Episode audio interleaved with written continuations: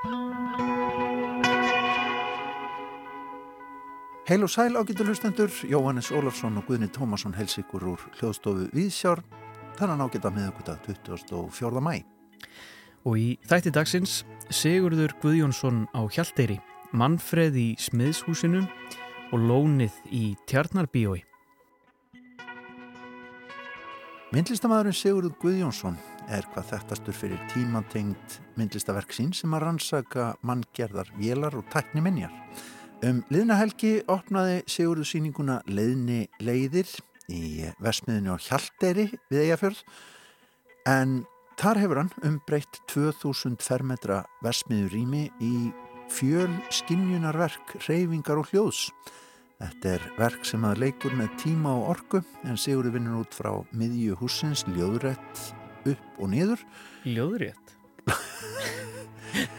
og þá ætti ég við lóðrétt upp og nýður þrjár hæðir og hugsar síninguna sem eitt stóran skuldur samofinn byggingunni sjálfi. Síðast þegar við hittum Sigur Guðjónsson hér í Vísjá var hann á leiðinni til Fenea til að vera fulltrúi Íslands á tvíaringnum þar í borg. Þessu sinni er það Gíja Holmgjastóttir sem að hitti Sigurð og Hjalteri í skjóli frá Hávaðaróki innan vekkja gömlu versmiðunar á Hjalteri. Leiksýningin Lónið eftir Magnús Tólasíus sem sínd er um þessar myndir í Tjarnarbíói tekur fyrir eind mannlegar tilveru á tímum síðkapitalískra drauma eins og segir í leikskráni Eva Haldóra Guðmundsdóttir rínir í verkið í þætti dagsins. Við ætlum líka að rifja upp af sérstöku tilöfni heimsók sem að sjá átti fyrir fimm árum síðan inn í eitt fegusta hús landsins smiðshús á Altanesi Tilefni heimsóknarinnar var nýraðis ammali höfundarhúsins og ábúanda þess, arkitektsins Manfreds Viljámssonar. Manfred er einn okkar allra besti arkitekt, hefur hannað þekkt hús og minna þekkt líka, jamt heimili sem á kirkjur, skóla og bókasögn. Einning hefur Manfred hannað húsgögn, leikföng og innretningar. Hann hlaut heiðus viðurkenningu Arkitektafélags Íslands 2019, heyrum í Manfredi þætti dagsins. En við byrjum viðsjána í dag í fjöruborðinu á Hjalteri.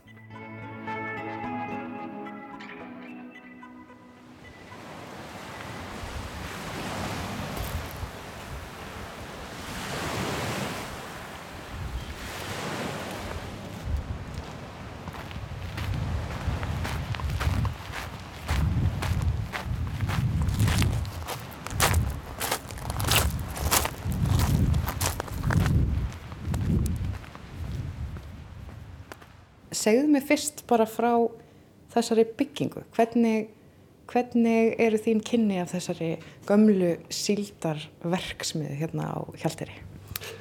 Sko uppalega þá býður Gústan mér að sína 2017 þá kynist ég um, byggingunni fyrst og svona eftir það fór, fór ég að heimsækja húsið hvert sumar skoða síningar og fylgjast með og það blundaði alltaf í okkur Gústafi svona að það væri gaman að gera eina stóra síningu með mér eitthvað tíman svona í framtíðinni. Og nú komum við að því. En hvernig myndir þú lýsa þessari byggingu sem bara formi, sem, sem einhvers konar struktúr? Sko ég, hún er mjög sangar þessi bygging og byggist öll upp á svona einhverjum köpum og það sem ég er að gera er að ég nýti mér þetta svolítið Þannig ég vinn út frá miðjunu í húsinu og vinn með þrjár hæðir. Það er jarðhæðin, miðhæðin og efstahæðin og hugsa þessi rinni þrjú element sem svona, já, eitt verk sem vinnur saman, samofið byggingunni og á jarðhæðinni þá er ég með, e, það er göng sem liggja inn í gegn og það er ég með hljóðverk sem e, Ég vinn með Teinu Þorstensdóttir pjánuleikarum þess að við erum að hljóðrita uh, já, endur og óm inn í flikli sem er síðan speilaður inn í þessum göngum og þau, það streymir um alla bygginguna. Svo eru við komin upp á miðhæðina, svalinnar og það maður segja svona þar sé aðalverkið. Þetta er átta, já, rása vídeo-innsetning sem eru, ég hefður átta álplötur sem eru raðar í e, línu þar sem árendi þarf að ferðast inn eftir svölunum og svo endur við á efstu hæðinni þar sem er gólverk. Þetta er ferðalagi gegnum rými og þú tala líka um, sko það eru hérna vídeoverk og, og þegar ég kom inn á þann þá svona tóka móti manni þessi svona sterkir hljóðheimur sem að einkennir svona þínverk. Mun hljóðheimurinn alveg fylla út í alla anga og skómaskot verksmiðinir? Já, hljóðheimurinn er hugsaðir svona þannig að hann svona flæði um allt húsið og, og er alveg 50% af verkinu. Og eins og hérna á miðhæðinu þá er ég að vinna með hólur sem er í loftónum uh, átta hólur þar sem ég lætt hljóðið svona flæð á millið þannig að það fylgir árandum í rauninni þegar þú gengur í gegnumverkið þannig já, hljóðið er stór þáttur og framkallar þess að svona já, líkamlegu upplifun líka af verkinu. Þú hefur áður fengist við pínum svona að kanna þetta velræna í hlutu, þú svona ferð inn í uh, virkni hluta og ef við pælum bara í þessum stað, þessari verksmiði og þú kalla síninguna leiðinni leiðir og maður hugsaður þetta um framleiðslu, þessar, þessar brautir og hér, þessi byggingir er rauninni gerð til þess að að vinna, gangi bara hérna fyrir sig eins rætt og, og þetta er einhvers konar bara vél, þessi bygging. Eh, tekur þetta, ertu er, er, eitthvað að hugsa um svona í, í þessu verki hér? Það er rétt, þetta, sko húsi talar við marg sem ég hef verið að vinna með í, í sko verkonum síðustu 10-15 ár og, og ég nýti þetta algjörlega sem innblástur uh, bæði hvernig ég forma verki inn í húsið og en það verður kannski líka svona óbent innblástur fyrir sjónræna efniðin sko. Þótt að sé annars eðlis þá eru líka svona eitthvað svona leiðinni leiðir inn í vídeoefninu sjálfu. Ég er að skoða ljósmyndatækni sko sem var fundin upp e, í kringu 1900 þar sem þeir komist að því sko að þú setur hlut á ljósnama plötu og sendir háspenn og rafmagnin í plötuna þá framkallast mynd en það sem ég er að skoða er kannski ég ekki hluturinn eða hvað mynd byrtist heldur hvernig rafmagnir leiður um hlutin.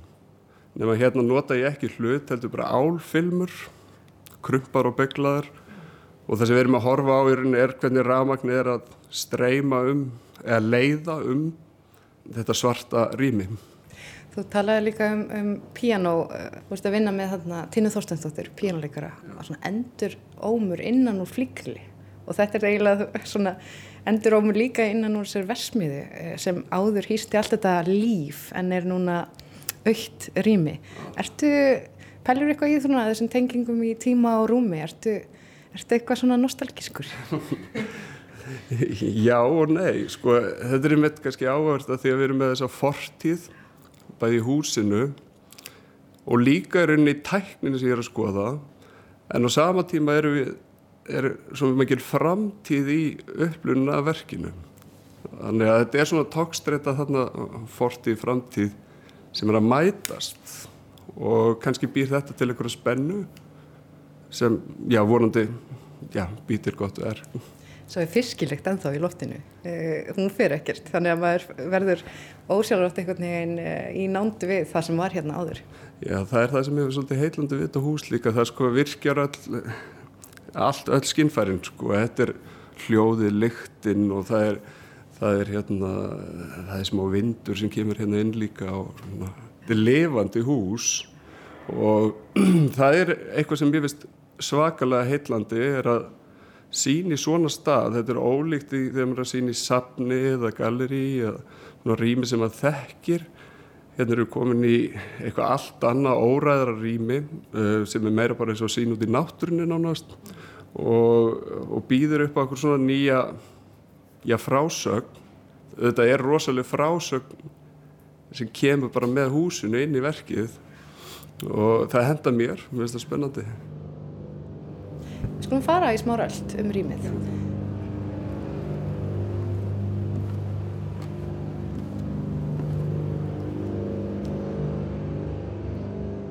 Já, hérna eru við, eh, stöndum við öðrum vagnum á húsinu uh, og þegar við stöndum hérna niður þá sjáum við svona svolítið góða mynd af húsinu í verkinu í heilsinni, hérna öllum þessum skjáum.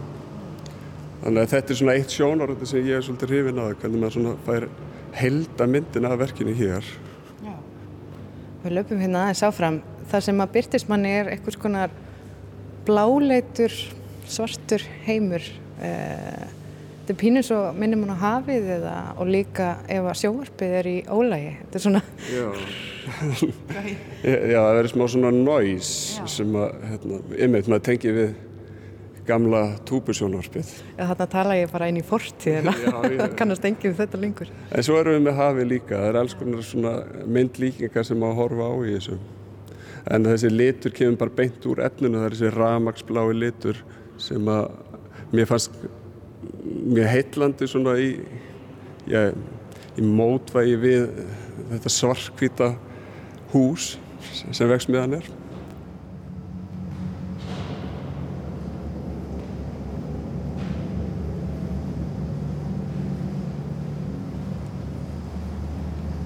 Og hérna á jarðhæðinni ef við löpum hérna aðeins, þar eru göngin. Þessi göng það sem er hljóðverki sem þú vannst með Tinnu Þorstæstóttur Endurómur og Flikli.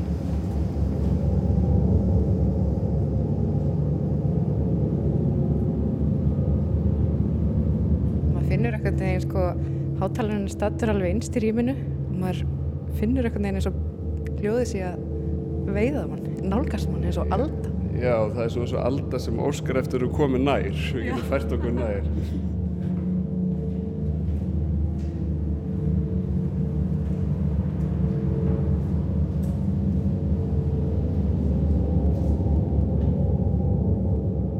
Og hér sé ég í gólfinu þessar brautir og þú kallar þessa síningu leiðinleðir og hér er eitthvað svona braut eitthvað sem að vísa að hljóð uppsprettinu. Já, hérna hafa líklega verið einhverju sko teinar þar sem þeir hafa kyrt já, einhverja sekki eða eitthvað eftir hérna húsinu. Og eins og ég saði fyrir þá er einmitt all, allir þessi dítilu svo mikilvæg innblástur fyrir verkið og hvernig maður nálgast húsið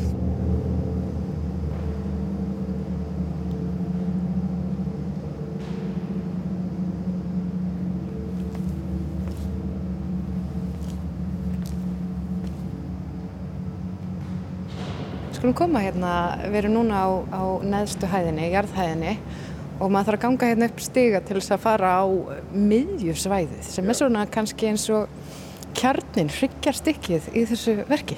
Já, það maður segja að miðjan sé svona hryggjarstykkið í verkinu og, og tómu salinir, hérna hægri vinstri eru þá svona, eiginlega bara, já, hólf fyrir hljóð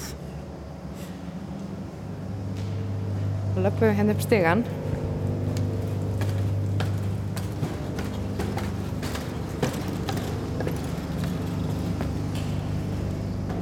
Braki stegan hérna erum við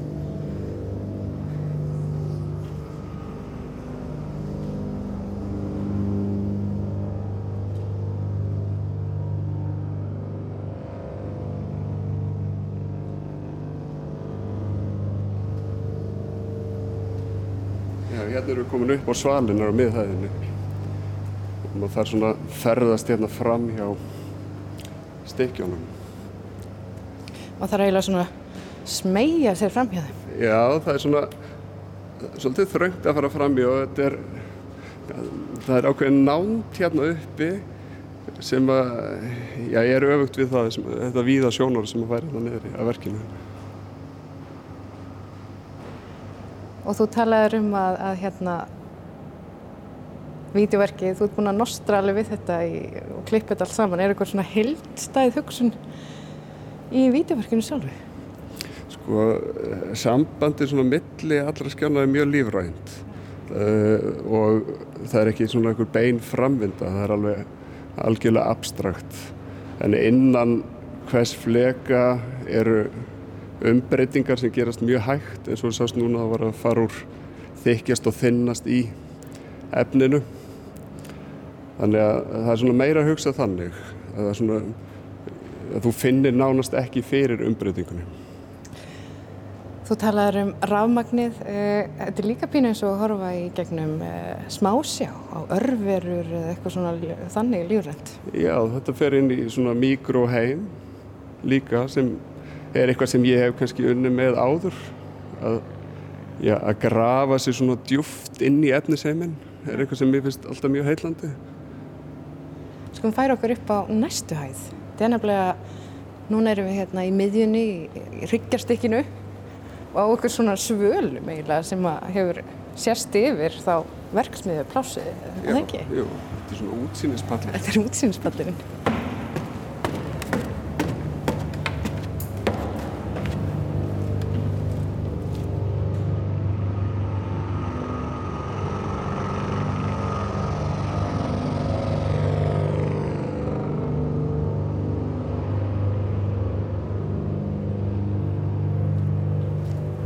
Þetta er ekkert síningarými fyrir loftræta. Nei, þetta er smá, það er smá ævinn fyrir að lappa gegnum þetta hús. Þetta er eins og verið í reysastóru skipi. Og hérna er, þetta svo kallað sílórými. Og hérna er henni, þetta er svona uppsprettan í húsinu, hérna kom allt inn Já. í húsið. Og, og hérna erum við með þessa gólvörpun sem er sam, samskonar vídeoetni og við erum með hérna á pallinu niðri nema það flæðir hérna inn í gólfið á annan hátt.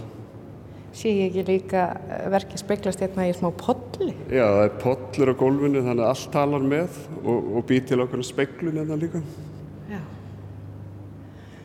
Hvernig er að vinna inn í, uh, sko bara, hvernig er tilfinningin að vera inn í svona tómum rýmum og vinna og fyrir, sko, eitthvað en að fylla fylla þessi gömlu tómu rými? Það er áskorun að takast á þetta en, sko, en eins og í mínu tilfelli ég reynir svona að leifa lætt húsið sko já, íta mér áfram eins og þetta verk endaði svolítið á gólfinu bara því að það talaði bara við sprungunar og efnið í gólfinu átti bara heima hérna. Þannig að ég svona, já, ég hef ekki þurft að þvinga henni inn, þetta er svona, hefur gerst svolítið, já, sjálfkrafa.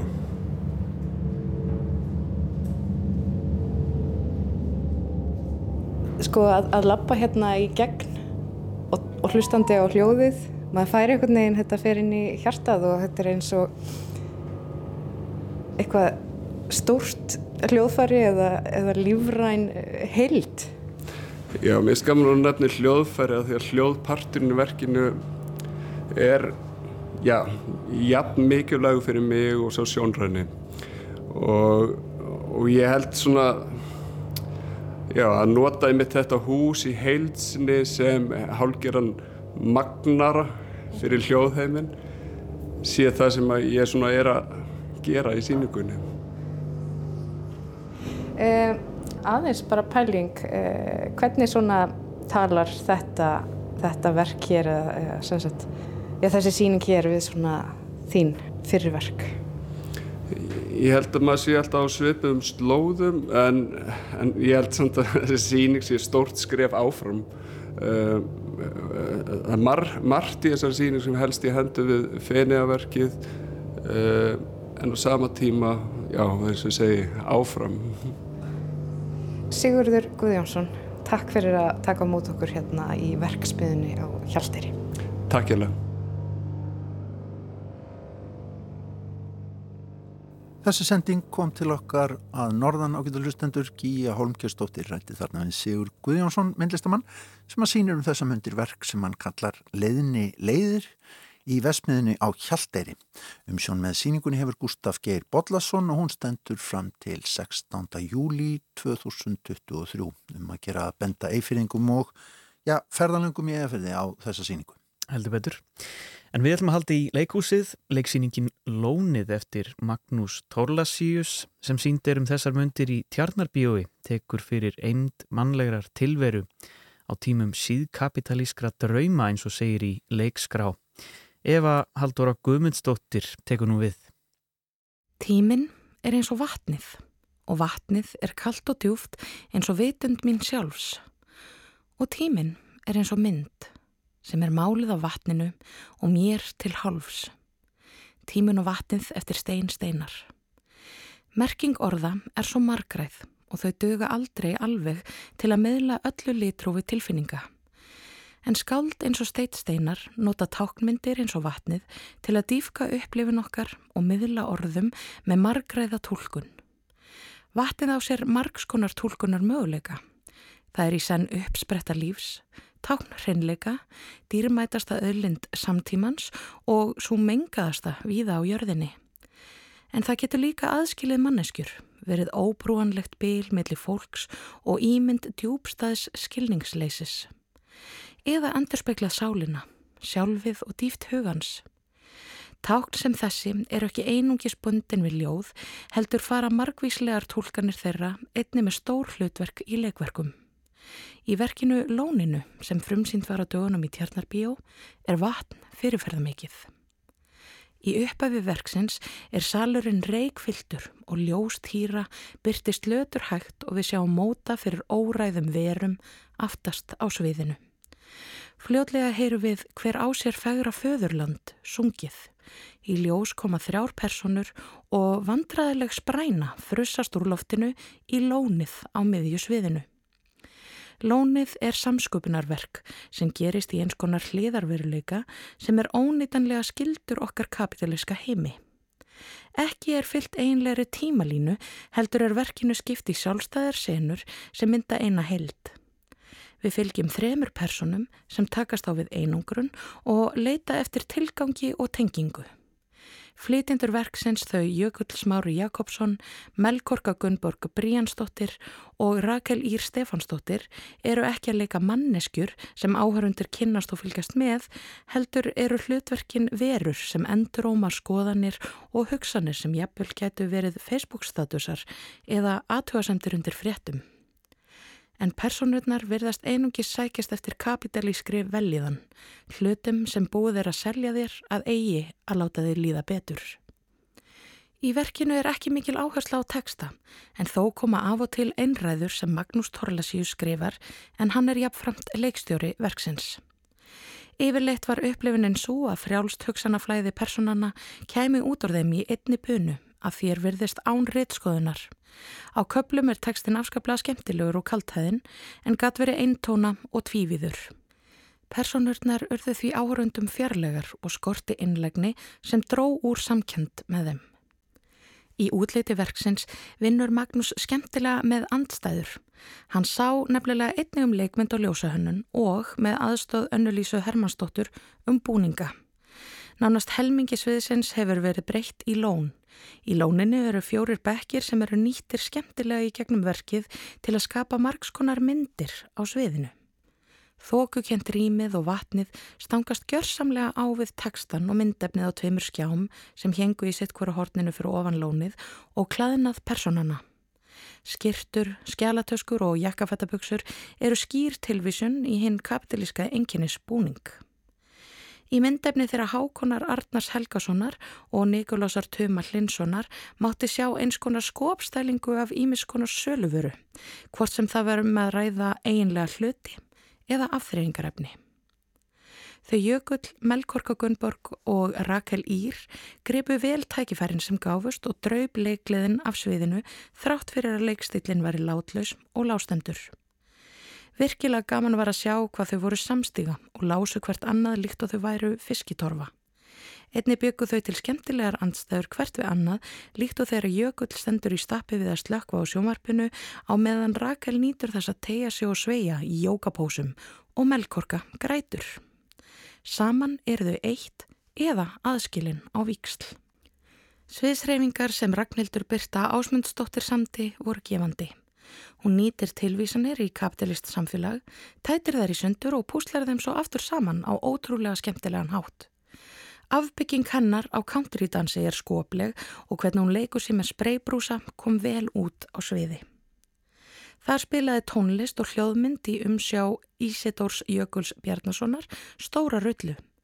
Tónlistin var áhugaverð og hábundur hennar verður að teljast dundrandi danstónlistin undir dansi personana með spreybrúsa. Þar skapaðist stórmerkileg spenna millir lipura reyfinga leikarana og mýktar vatsins og hörgu taktsins. Uppbygging verksins hjá leikstjórunum á höfundi verksins Magnúsi Torlasjús var áhugaverð Í upphafi er takturinn nánast óbærilega hægur og fá við litla sem enga tengingu við karakterana en allt í einu snar breytist orkan á sviðinu og upphefst æslafullur leikur sem er í algjöri andstæðu við upphafið. Hann er óhrættur við að skipta snöglega um takt og halda þannig áhörundum á tánum. Lónið er fögur síning og er Magnús greinilega með næmt auga þar sem myndirnar sem dregnar eru upp á sviðinu eru fallegar. Samspil lýsingar hans útlits og sviðsreifinga er gott og verður til einstaklega stílhrein, absúrt síning. En hann heldur áhörundum í fjarlæð við verkið bæði í textanótkun og ákverðun varandi leikstíl flytjenda. Innhverf sviðsframkoma karakterana gæti verið sprengklægileg en einnig þreytandi áhorfs. Karakterinir urðu eins konar skópstæling af manneskjum með skoðanir sem dansa á jæðurinnum. Personur vexins eru áhugaverðar og gaman að sjá sviðsettan manneskjur láta í ljós skoðanir ólíkar þeim sem ætla má að hinn almenni leikús áhorfandi sem sækir síningar í tjarnarbíói hafi. Staðalímyndin af áhorfanda í tjarnarbíói er ekki endilega samsæriskenningasmiður, stjórnmálamadur eða virkur í aðtóðsendum eins og personur verksins verðast vera. Sviðsetning karakterina var kaltæðin og til þess gerð að hlæja að þeim en ekki til að hata þeir, afhjópa okkar eigin fordóma gagvarteim eða öðlast nýjan skilning á þeim. Senurnar náðu ekki að mynda nægilega sterka heild. Þær voru kvorki nógu ólíkar til að skapa spennu sín á milli og þar afleðandi leða til tólkunar, nýja að unnið hafi verið skýrt með sömu stefin sem gefa af sér í hildina. Það verðist sem sömarsenurnar séu til þess ætlaðar að staðfesta eimdokkar og aftengingu en áhorfandin fær kvorki að hlæja henni og gaggrínana nýja að finna að verið sé að upphefjana. Á meðan aðrar senur setja stort spurningamerki við hvernig við jæðarsettum fólk á sama tíma og við leitum að tilgangi í núvitund á kolvillusun hátt. Konseptverksins er virkilega stort og ekki á hversmanns færi að fjalla um síðkapitalisman og koma honum skilmerkilega til skila. Það gerir það að verkum að útgangspunktur verksins er eilítið á reiki. Sýningar sem þessi pota í heimsín okkar og sjálfsmynd og skapa umræðu. Þó svo að verkið skorti ákveðna innlegni afhjúpa til runir leikópsins leit okkar mannkinsins að tengingu og tilgangi í kapitalískum heimi. Sýningin gaggrinir bergmálshellin sem við veljum okkur til að staðfesta og upphefja okkar eigin sín á heiminn. Hún tekst á við tilgangsleysi hinn að ímsu leiða sem manneskjan notar til að fylla í tómið sem kapitalismin skapar. Personur verksins leitað velíðan og svo uppljóstrun verður skýr að hún hefur líka verið gerð að neysluvöru. Verkið setur spurningamerki við þá ímynd sem við höfum okkur sjálfum, hvort sem það er þjóðerna okkar, gáfur, staða, regluverk samfélagsins og jafnvel samband okkar við okkur sjálf og rannsakar hvort að það þjóni nokkur skona tilgangi. Verkið kafar djúft í lón sjálfsins og veldu við upp skýtnum í leitað sannleika en mun svo leit bera einhvern árangur. Saði Eva Haldóra Guðmundsdóttir um Lónið sem er nýtt íslenskt leikverk sínt um þessar myndir í Tjarnabíói. Það er tekin fyrir eind mannlegar tilveru á tímum síðkapitiliskra drauma. Jóhannes, hvað kallar þetta umfyllunarefni á hér í þættinum við sjá? Það er margt sem kemur til greina. Eind mannlegar tilveru er, er rosalegt um, fyrirbæri. rosalega fyrirbæri. Mér var að hugsa til Nick Drake uh, sem að, já, svona, heldur svona þung, þung en falleg músik það er stundu þungskíðað hjá honum. Það er svolítið þungskíðað gerðnan um, ekki velja bara lag eftir hann? Veljum bara lag eftir Nick Drake. Þetta er One of These Things First frá árinu 1970 could have been a sailor could have been a cook. A real life lover could have been a book. I could have been a signpost, could have been a clock. As simple as a kettle, steady as a rock. I could be here and now. I would be, I should be, but how? I could have been.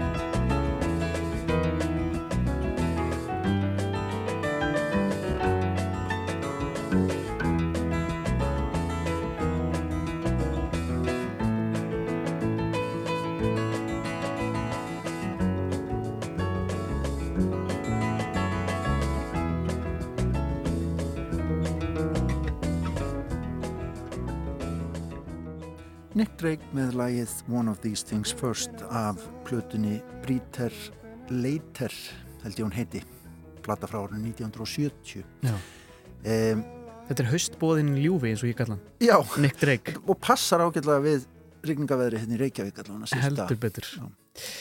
En við ætlum að revja upp viðtal næst frá 2018 og halda út á Altanes og inn í eitt fegursta hús landsins, smiðshús.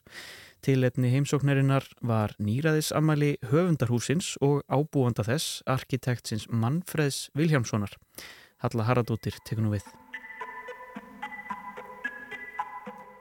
Manfreð Vilhjálmsson hefur komið víða við á löngum og farsælum ferli. Ætli þjóðarbóklaðan og heimavistaskólin að stóru tjörnum sé ekki með hans þekktari verkum, en hann hannaði einni ymbilishús við Mávanes og Blikanes sem hafa vakið aðtegli langt út fyrir landsteinana, þjónustuhús tjaldstæðisins í Laugardal og viðbyggingu við Ásmundarsafn, svo eitthvað sé nefnt. Verk Manfreðs hafa sinn auðkennandi stíl. Hann notar gjarnan sterka liti í bland við náttúruleg efni á borð við steipu, timpur og torf og renna byggingar hans oftar en ekki saman við umhverfu sitt. Hann hefur lotið ímsar viðurkenningar fyrir verk sín, svo sem menningarverlun DFF og fálkaorðuna, auk þess að vera heiðursfélagi arkitektafélagi Íslands. Hann rak lengst af eigin stofu en síðustu starfsárin starfaði hann með VAF-A arkitektum. Manfreð fagnaði nýraði sammali sín á dögunum og tók á móti viðsjá á heimili sínu að því tilefni.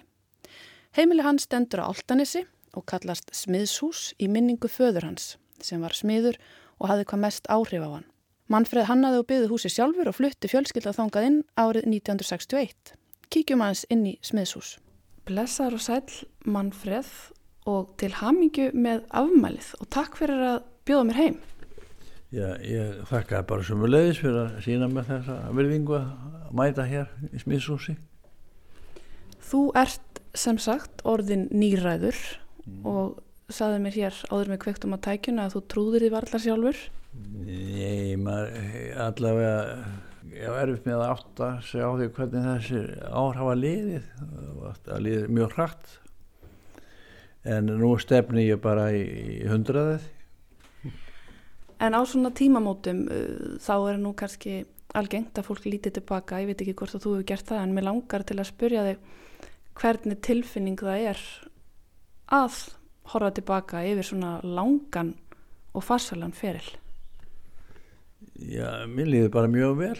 Ég hef ekkert held, ég annað það fram að færa.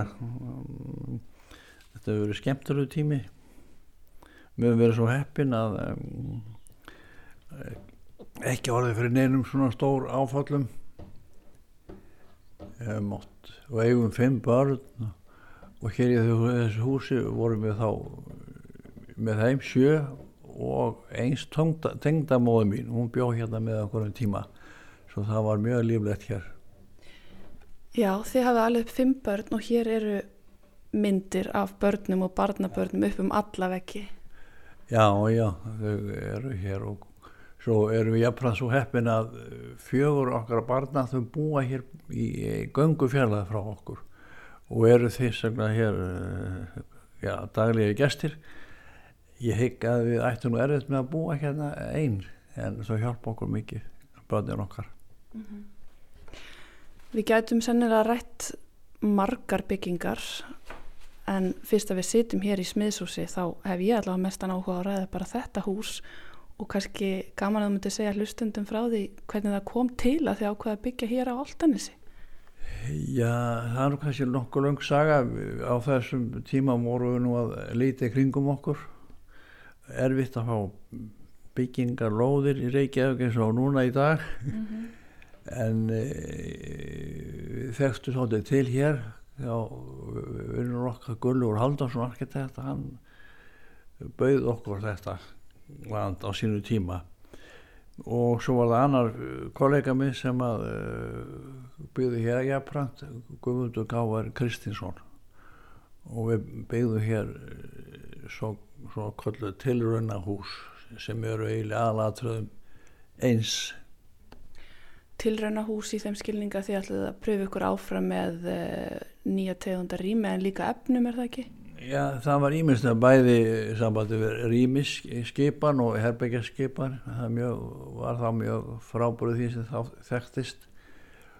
Og eins uh, svo margt í sambandi við uh, efnisval og, og útfæslur sem ekki þekktust þá og sumt af þessu hefur reynst vel og, og annað kannski miður eins og með tilhörunum séflitt mm -hmm. e, þetta hefur bara er, er reynst okkur mjög vel e, þetta fyrirkona sem hér er. E, það er aðalatröð þannig að e, miðji hús er eldús og tilhörandi og á aðra hönd er svo aftur stofa og setjum ekki okkar hjóna en á hinu hönd er aftur borstofa og setjum ekki barna e, þar fyrir þann er, er, er söður veggur í sólur átt glerveggur og loftið inn í golf sem ekki var náttúrulega talið vanlegt á sín tíma. Menn teldu að þetta er nú brotið bara á fyrsta ári en það er vandin eitt óapskeið þar. En í norður átt er gluggalöst það má segja að húsið það eh, svona, stendur svona eins og ross út í haga með eh, rassin upp í vindin Við sittum hérna við klukka núna og horfum yfir á Reykjanesið og það er sól í fyrsta sinn í marga dag, það er opbáslega fallet útsinn í hana Jó, ég eiginlega nærist á daglega á þessu útsinni ég get alltaf dásta því En þetta var sérstaklega fyrst og fremst uh, þið fengu hér ódýra lóðir og þar sem var til þess að ákveða byggja hér. Já, það var vinnur okkar hérna, eins og segi Gullur Haldursson sem að var svo elskulegur að, að færa okkur þessar lóðir hérna. Mm -hmm. Já, mikið væri nú frábært í þessari húsnæðiskreppu sem við erum í núna að það væri auðvelt að fá lóðir til að byggja. Já, það, ég tala nú ekki um ég er sem arkitekt undrand af því hvernig húsnæðismál þróast hér í höfuborginni hvað þetta varðar það er auðvitað byggt á dýrum lóðum og þar er leiðandi verða húsin og íbúðuna dýrar En fylgistu með því sem er verið að byggja? Hefur ykkur skoðun á arkitektur í dag? Nei, ég fylgist nú ekki sérstaklega með því sko en talandu um arkitekt og þá mm, viljum aðeins hafa orða því að þegar ég kem hér til lands fyrir 60 árum sem segja það að þá voru í, fjöli arkitekta eitthvað um stæflega við 40 ef ég maður rétt, 40 fjölegar en mér skilist að í dag sé þetta eru nær kannski 400 og þá væntum að þess að árangurum verði nú enn betri í sambandi við byggingalist Hvað var það fyrst og fremst sem að heitlaði þig við þetta starf? Manstu af hverju þú ákvæmst að fara á sínum tíma út í þetta nám? Nei, ég held nú að, að yfirleitt á uh, viti nú menn ekki hvað býður þeirra þegar ég fari í ykkurt nám. Það kemur nú setna í ljós. En um, kannski megin ástæða fyrir, fyrir því að ég fór í þetta nám var að ég vann sem smiður hjá föðu mínum í 5-6 sömur og alltaf endur að verða smiður. En svo svona þróaðist að þetta á annan hátt. Ég fór í metaskóla og síðan til náms í Svíþjóð. Og sé ekki eftir því. Getur þú sagt okkur hverju voru kannski þínu svona helstu áhrifavaldar í náminu og eftir að þeir varst að byrja? Nei, já, ég eh, sem námsmaður út í Svíþjóð þá fylgist ég vel með því sem var ekki gerast þar og í Danmörku og eins heitlaðist ég af arkitektur í Japan á þeim árum. Og eftir ég kom heim þá vann ég hér fyrstu ári hjá Skarpjarni Jóhansinni sem voru mjög gefand og góð ár. Og síðan kynntist ég Gurli Aldósenni sem ég nefndi á hann en að nokkur ár leinum þá fór ég að vinna með Þorvaldest Þorvaldsinni og við rákum tengstu saman í nokkur ár. Er hægt að eiga sér eitthvað uppáhalsverkefni eða uppáhalsbyggingu þegar þú lítur tilbaka er eitthvað á eitthvað sérstakann stað í, í hjartanu? Það held ég ekki þetta er eins og börnimanns það maður hefur tekur ekkert eitt fram yfir annað þar en í sambandi við svona bygginga þá er ég af því svolítið dabur yfir einu verkefni sem ég vann á sínum tíma. En það er nesti í Reykjavík og vega nesti á Akureyri. Og þessi hús hvortveikja hafði reyfin og það já ég, það hefði svolítið sært mig Já, þetta voru líka ansi merkilega byggingar og mjög nýstarlegar þegar þær risu hér á sínu tíma. Já, eitt næsti hérna Reykjavík er eitt fyrsta verkefni, þegar með fyrstu verkefni sem vann eftir ég kom heim. Og uh, þá mér þótt ákvæmlega skemmtur eitt verkefni og, og vann það í góðri saminu veigandan Axel Helgason. Mm -hmm en svona gerir hlutinir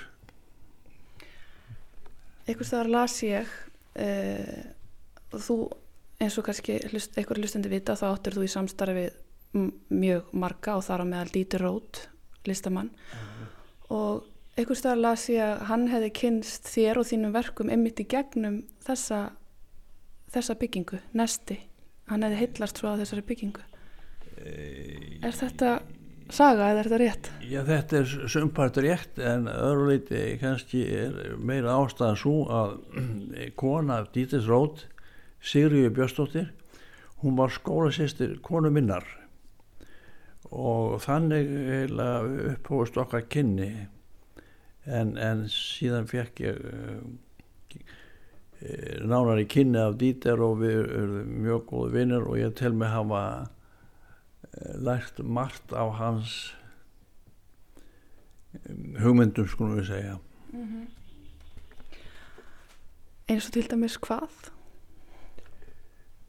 E, til dæmis er þannig að þú komst inn þá var kollur þarna mm -hmm.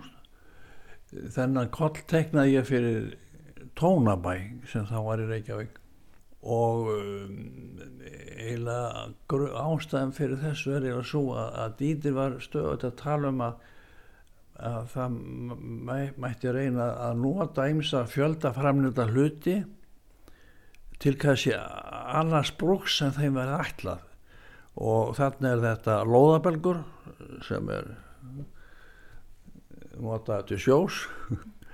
En, en þannig fór ég út í það að þetta væri sæti eða kollur. Og sömulegðis í andirinu tók ég eftir fatahengi þar sem að eru nýttir hlutir sem að eru til annars brúks vanalega ekki satt, kústsköftin Jú það má segja það sko að, að kústsköft eru notuð í kústa en þarna uh, notaði ég til uh, þess að útbúa fatahengi og það má segja að þannig tengist þetta títi rót mm -hmm. En uh, þú talaði líka um japansk áhrif áðan Já. og mann er verður aldrei hugsað hérna inni, eru ekki ykkur japansk áhrif hér, er þetta opna rými og þetta flæði á milli herbergja? Jú, það, jú, það er það e, svo er hér svona rennihörði fyrir herbergjum og um, það má segja þetta er ekki þar með ekki svona selskaps e, íbúð því það er mjög hljóðbært hér. Það sem eru bara svona renn, rennuhurðir en það má segja að það er ættað svolítið frá Japan það er hugmyndir. Og, og ég vil eitt svona allt svona eh, reynda svona færa því svolítið einfaldari stíl. Það er, það er frá Japan. Það er mjög ákveðin stíl hérna inni og ég hef á tilfinningu að hafa lítið breyst í árana rás. Þegar hafi átt held ég sömu húsgögnin í gegnum já, árin. Já, já, þar inni jú, jú, það eru sömu húsgögn hérna inni sem er komið frá Svíðfjóð og svo hafa nú bæst við eins og þessi stólar þetta er orðið gaman þrenda líka þetta eru danskar, dansistólar. En þetta, þetta er aftur stól sem ég hannaði svona 85 ára. Já. Þetta er hugsaði fyrir sko eldri borgara. Eh, hann er eh, ekki svona nokkuð nokku hár. Í, gott að setjast í hann og standa upp. Og þú skal bara prófa. Ég fæði að prófa þetta hvernig húsi ólst þú sjálfur upp í? Eh, já það var svona klassist timburhús, bárjársklætt tvær hæðir við byggum á miðhæðinni fóraldra mínir og Ég, og, og í kjallarunum var hins vegar svona verkstæði, svona smíðaverkstæði sem fæði minn hafði. Og þar var ég aldrei mikið að fandra smíðaði meðans kajak sem út til mynda af hérna. Já. Og uh, með vinið mínum í skerðafyrirum og síðan smíðaði lítið seglbát líka sem fæði mig hjálpaði mig með. Það var svona lítið skúta. Sem þú voru að sykla út frá skerðafyrði já, ég var svo tengt við skerðafyrðunum en mér langaði að spyrja það líka í samti við smiðshús. Við sittum hérna í borstofinni við liðinu eldúsinu af hverju ákvæmst það eða þið hjónin að hafa eldúsið í miðjúhúsinu sko fram að þessu var almennt eldús hafði svona eitthvað staðar baka til og aflókus og það þótti mér ekki gott koskið fyrir eigin konu og aðra fjölskyldu meðlið mig þetta er uh, vinnusæði sem allir þurfa umgangast í fjölskyldinni og það var kannski með veginn ástæðan fyrir því að ég vil hafa þetta í sem aðgengilegast fyrir alla mm -hmm. Aðeins um þessi japansku áhrif að því að í austurlenskum fræðum þá er oft talað um fymta elementið það eru þessi fjögur element sem við þekkjum jörð, loft, vatn og eldur en eins og til og með típeskir bútamunkar þeir tala um að rými sé jafn mikilvægt element hvað finnst þér um þetta? Ég verði náðu að viðkynna ég hef nú aldrei heyrt um þessar högulegingar áður en ég er náðu saman því að, að rýmið er mjög stór þáttur í í, í velíðan og, og þáttur í okkar umkörfi sem hefur mjög mikil áhrif á það mínum að þetta á hvernig okkur líður yfir leitt Og hvað heldur að hafi kannski mest áhrif á líðan okkar uh, í samti við rýmið? Er þetta litir, er þetta hljóð, er þetta byrta, er þetta bara samspil alls? Ég held að þetta sé all, allir þessi þættir, allir þessi þættir, mjög stórt atriði. Mm -hmm. Ég get nú ekki, held ég líst í hérna, nánar hvað eitt af þessu hefði meira áhrif en annað. En ef einhver eitt þáttur er e, svona í í einhverju mótsögg sko þá er, held ég meiri líku fyrir að mann líði ekki bynt vel. Svo er ég hins vegar á því að menn eru mismóttækilega fyrir þessum áhrifum. Það held ég að sé nú. En þetta hús, miðshús hefur svo sannlega reynst ykkur vel. Já, ég get ekki sagt annað. Þetta er eiginlega alveg allt upprólætt hér gólf og, og svo framvegis þá finnst mér rekkast að aðeins að benda á að á þessum árum þegar við byggðum þetta þá var mjög mm, erfitt um alla efni drætti fátt til, þá var til dæmis eh, aðeins til gólflýsar sem voru fluttur inn frá Tjekkoslovæki brúnar og kvítarflýsar og þær eru hér á gólfum allar þessar flýsar Það eina sem var í bóði það eina sem var í bóði þá ég ætlaði með þess að ég ætlaði að nota nefnilega uh, danskar flýsar sem hefði séð í útlandun en það voru ekki að fá það hér Viltu kannski að lokum áttu eitthvað ráða lokum til yngri arkitekta í dag? E, það er eitt í sambandi við námi arkitektur sem er nú að hluta til hér heima en mér finnst eh, mjög mikilvægt fyrir arkitekta að eh, dvelja svolítið erlendist og kynast þar eh, öðrum viðhorfum og þar með svona gerast viðsýtni ég er ekki mjög hrifin af því að mentunum væri alfarin hér innan hans Hér var rætt við Manfred Viljámsson, arkitekt. Þetta viðtal er frá árunni 2018 þegar Manfred var nýraður. Tilefnið svo sem ekkert sérstakt okkur langaði bara inn í notalegt hús við sjóin í þessu ólíkinda veðri sem að gengið hefur yfir. Einmitt. En hér líkur þætti dagsins ágættu hlustendur við sjáverð hér aftur á morgun klukkan 16.05 eins og vennilega hægt að ná í alla þættina á spilararúf. Takk fyrir samfélgina, verið sæl.